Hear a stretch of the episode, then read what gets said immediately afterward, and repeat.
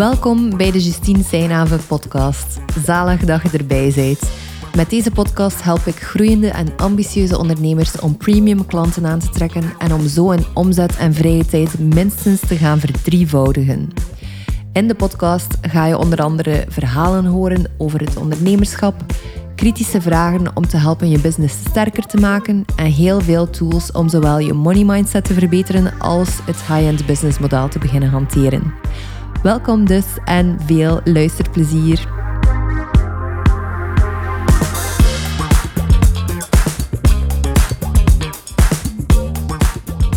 Welkom bij een nieuwe juicy aflevering van de Justine Seinhaven podcast. Altijd grappig ook als ik het woord juicy uitspreek, want dat was mijn bijnaam vroeger. Mag je liever mij niet zo aan te spreken deze aflevering, aflevering 21, gaat eigenlijk over de belangrijkste fouten die ik zelf als ondernemer gemaakt heb. En ik heb daar een soort van rode draad in kunnen vinden. En ik wilde die heel graag delen vandaag, omdat het denk ik iets is dat heel simpel te vermijden valt. Ik ga niet zeggen dat het makkelijk is om ze te vermijden, maar het is wel simpel. Eerst en vooral wil ik het woord fouten even kaderen ik ben normaal niet iemand die zegt van oh, ik heb geen fouten gemaakt, ik zie het allemaal als learnings. En ik ben niet echt iemand die heel vaak zo'n dingen verpakt.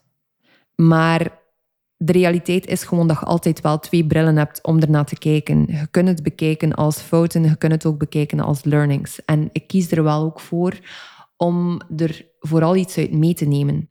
Heel veel van de voorbeelden dat ik ga geven, heel veel. Er zijn er ook geen vijftien, stuk of drie, denk ik.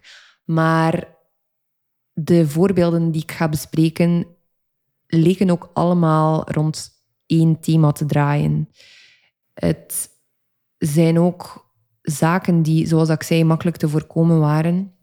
En het is een typisch thema waar dat wij als Belgen of als Vlamingen, misschien vooral als West-Vlamingen, sorry voor de mensen uit het Antwerpse die aan het luisteren zijn, of uit eender welke andere streek. Maar het is een thema waar dat wij als Vlamingen vaker last van hebben dan onze Noorderburen, denk ik. Ik zit zelf in een business traject van een Nederlandse. En ik merk toch dat er daar een, een soort van cultuurverschil is.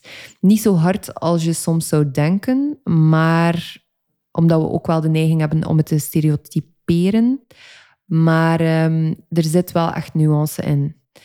En de grootste fouten die ik toch tot nu toe als ondernemer gemaakt heb, hebben allemaal hiermee te maken. Het is eigenlijk open communicatie. Als persoon en dan als verlengde ook als ondernemer ben ik iemand die meer geneigd is om de goede vrede te bewaren dan om tegen iemand zijn schenen te schoppen. Nu, ik heb daar ook een lange weg in al afgelegd. In de zin dat ik bijvoorbeeld op Instagram helemaal niet meer bang ben om te delen hoe dat ik over iets denk. Zelfs al is het controversieel, zelfs al schop ik tegen de schenen van mensen dat ik graag zie. Het kan mij eigenlijk op dit moment, klinkt heel stoer wat ik nu ga zeggen, maar weinig schelen. De reden waarom is omdat als ik iets uitspreek, een overtuiging, en die heeft niet echt specifiek te maken met een andere persoon of er zit geen intentie van aanval achter. Als iemand dat kwalijk, mij dat kwalijk neemt, ben ik gewoon een spiegel. Ben ik gewoon aan het reflecteren wat dat er in hen nog wringt. Waar dat er bij hen nog belemmerende overtuigingen zitten of gedachten die eigenlijk niet stroken met onze innerlijke waarheid. En die innerlijke waarheid is of komt altijd hierop neer dat wij spirituele, magische wezens zijn die hier een ervaring hebben in de fysieke realiteit en dat we eigenlijk heel veel moois kunnen verwezenlijken. En dat het ondertussen heb ik toch al dat gevoel dat het onze verantwoordelijkheid is om ook in die grootsheid te gaan staan, om echt uw verantwoordelijkheid te nemen als ondernemer of als uh, familielid of als whatever, om eerlijk te leren zijn en om je visie te durven delen. Ik was vroeger allergisch aan politiek En ik ben er nog altijd een beetje allergisch aan, maar ik ben vooral allergisch aan de manipulatieve kant en de hyperrationele kant ervan. Ik ben niet meer allergisch aan het feit dat die mensen gewoon een duidelijk standpunt innemen. Daar hou ik ondertussen van. Terwijl ik daar vroeger enorm bang van was en eigenlijk liefst zo weinig mogelijk mijn hand opstak in de klas omdat ik bang was om iets fout te zeggen. Ik ben niet meer bang om iets fout te zeggen. Ik ben eerder bang om niet te zeggen waar dat ik in geloof en waar dat ik, waarvoor dat ik hier op aarde gekomen ben. Anyway, kleine uitweiding. Dus de podcast van vandaag gaat over open communicatie. Ik ga u over drie learnings vertellen in mijn eigen bedrijf en in mijn eigen pad als ondernemer. En hoe dat open communicatie eigenlijk heel veel ging kunnen vermeden hebben. Een eerste voorbeeld was eigenlijk een samenwerking met een toffe onderneemster, dat ik ook heel inspirerend vind. En die is uiteindelijk niet doorgegaan, maar ik heb daar en ik heb daar op zich geen spijt van, van mijn keuze om het niet te laten doorgaan. Maar ik heb wel spijt van de manier of ik, ik kon er wel anders mee omgegaan zijn. Ik ga het misschien nog concreter maken om u wat meer context te geven. Maar ik vind de onderneemster in kwestie niet enkel inspirerend, maar ook een stukje intimiderend. Ik keek ook voor een stuk naar haar op. Ze is heel gedreven, ze is heel ambitieus, ze zet heel mooie dingen neer. En dat inspireert mij, maar dat maakt mij soms ook wel een klein beetje bang. Ik denk gewoon, eerlijk gezegd, als puntje bij het paaltje komt, doet ze mij gewoon te hard aan mezelf denken. En vind ik dat dus lastig. Dus wat is er gebeurd? We hadden uh, een afspraak gemaakt dat we een soort van traject samen gingen doen. En dat is uiteindelijk niet doorgegaan. En ik heb zelf eigenlijk veel te lang gewacht om uit te drukken hoe dat ik mij erover voelde. Om uit te drukken dat ik ja, geïntimideerd was dat ik misschien een andere weg op wilde. Ik voelde ook van dat het niet aligned was volledig met waar dat ik zelf naartoe wilde en dat ik te veel compromissen moest maken op wat ik zelf in mijn eigen bedrijf wil neerzetten. Ik ben daar nog heel hard zoekende in. Um, dat is iets dat ik u ook wil meegeven. Mispak u daar nooit in, maar iedere ondernemer, of dat ze nu 10.000 euro per jaar draaien of 100 miljoen, iedereen is altijd nog aan het uitzoeken along the way. We staan allemaal met ons twee poten in het proces. Er is niemand die op een bepaald eindpunt is en dan zegt van, ah ja, oké, hier ben ik nu, chill. Allee, je kunt natuurlijk wel periodes hebben ook dat je meer op je gemak bent en dat je het wat chiller aandoet en dat je misschien niet per se vooruit wilt, maar er zijn altijd in eender welke situatie curveballs dat het leven u toewerpt. En ja, dan is het aan ons om, uh, om te zien wat we ermee doen natuurlijk.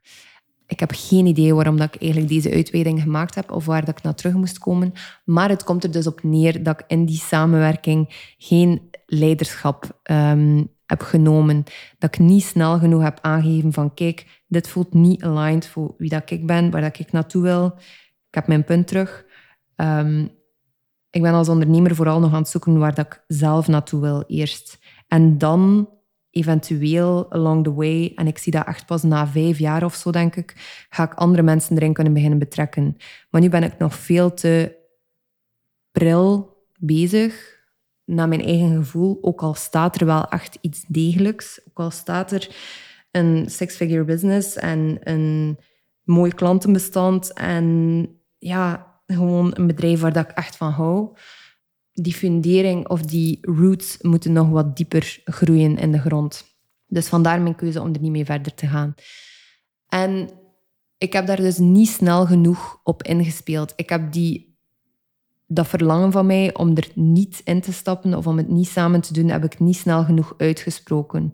En dat vind ik lastig, want iets dat onuitgesproken is, dat blijft, en dat is zo'n cliché, maar het klopt echt 100%, dat blijft altijd aan de of net onder de oppervlakte etteren voor een stukje. En alleen al daarom heb ik eigenlijk deze podcast gemaakt om u aan te geven dat het echt oké is om te zeggen hoe dat je voelt over een bepaalde samenwerking, Als het nu naar een andere ondernemer toe is of naar een van uw klanten, eigenlijk naar uw klanten toe is bijna nog belangrijker. Zeker als je een coachingrol opneemt of dat je kennis deelt, is het nog belangrijker om eerlijk te kunnen zijn tegen hen. Omdat je uw klanten, zij betalen u om eerlijk te zijn. Zij betalen u voor uw visie, voor uw ideeën, voor uw mening, voor uw standpunten, voor uw strategieën, voor uw intuïtieve inzichten. Dus als je dan enkel de positieve kant geeft, of enkel de dingen waarvan dat je denkt, ah ja, als ik dat zeg, dan gaan ze mij niet aan betand vinden. Dan ben je ze echt voor 50 en eigenlijk eerlijk gezegd, want soms zijn de negatieve dingen moeilijker om te horen, maar nog impactvoller, bijna voor 75% aan het tekort doen. En ik klink hier heel overtuigd en dat komt ook omdat ik het zelf heb meegemaakt. Ik heb al coaches gehad die mij vooral veel naar de mond aan het praten waren en vooral veel met mij mee bewogen. En dan heb ik er ook gehad die mij echt gewoon de waarheid konden zeggen. En dat eindigde soms in traantjes, maar achteraf gezien was ik altijd zo dankbaar naar die coaches toe. Dat was eigenlijk mijn eerste voorbeeld, um, waarin ik eerlijker of opener had kunnen zijn of sneller open kaart had kunnen spelen. Een tweede plek waar dat ik vroeger de fouten gegaan ben, is om te weinig duidelijke calls to action aan te geven in mijn marketing. En het is zo simpel, maar zo cruciaal. Als je jezelf market online, dan heb je het gevoel dat iedereen altijd alles gezien heeft van wat je zegt. Maar het tegendeel is waar. Het is echt je verantwoordelijkheid als je je eigen marketing doet om zo regelmatig mogelijk en daarmee bedoel ik niet altijd, want soms past het ook gewoon niet. Na mijn vorige podcast bijvoorbeeld voelde ik niet de neiging uh, of de uitnodiging om een call to action erachter te plakken.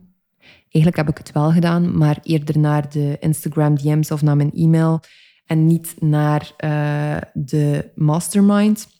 Maar ik bedoel dat het altijd interessant kan zijn om een call to action erbij te plaatsen. Al is het maar om te zien wat dat het met u doet.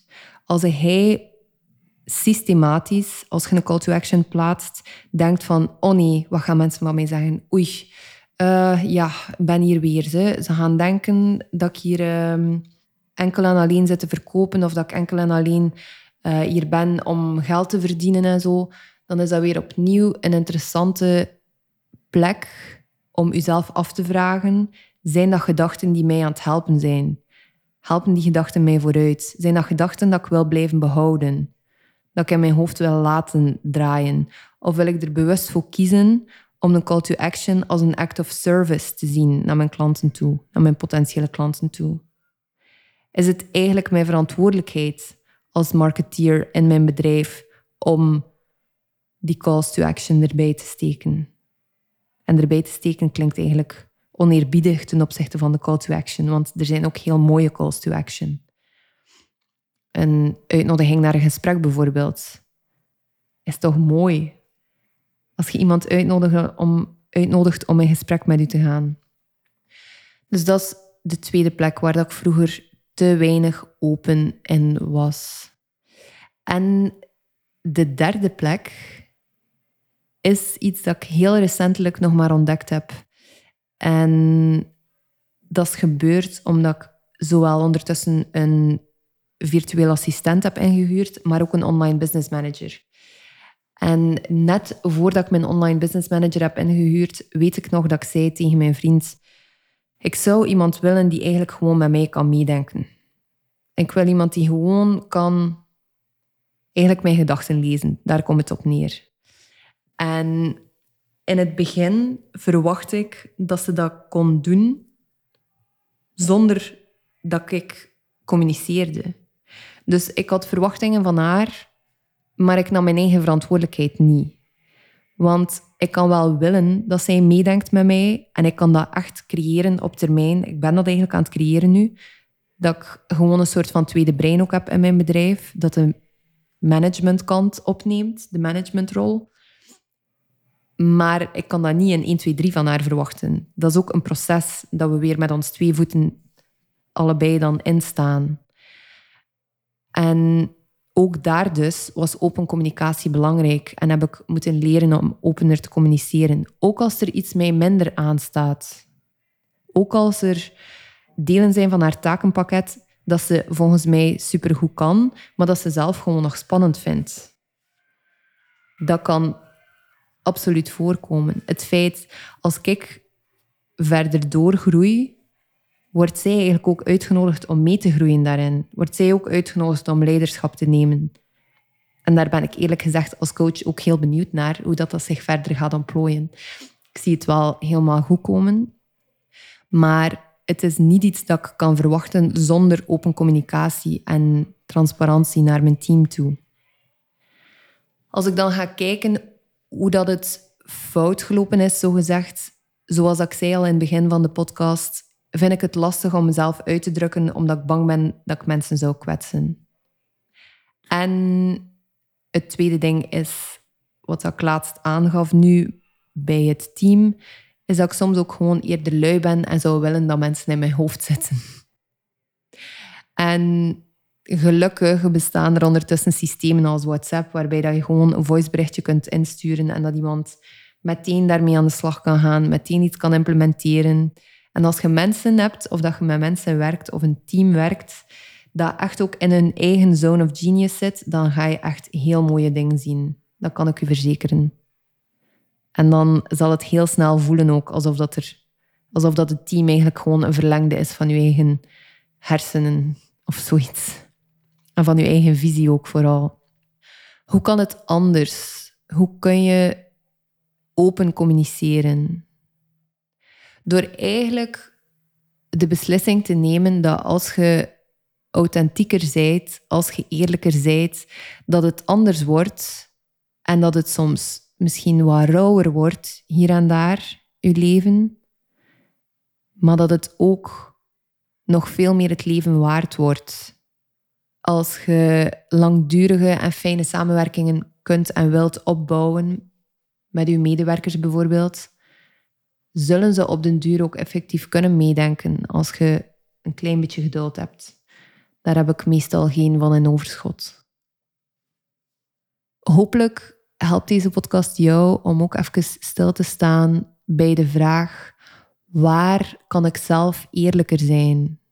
Waar in mijn bedrijf zijn er plekken die eigenlijk kwetsbaar zijn omdat ik niet eerlijk of niet transparant genoeg ben momenteel? Wat is zo die ene situatie die in mijn achterhoofd zit waarvan dat ik weet dat ik ze eigenlijk moet uitspreken, waarvan dat ik weet dat er mij een moeilijk gesprek te wachten staat, maar dat moeilijke gesprek kan wel van alles weer in gang zetten of mij op een andere plek qua gemoed brengen. En in het woord gemoed zit ook het woord moed. Dat wens ik u vooral toe als het gaat over open communicatie, over uzelf kwetsbaar kunnen opstellen. Als je daar meer over wilt weten, zou ik het volledige werk van uh, Brene Brown aanraden.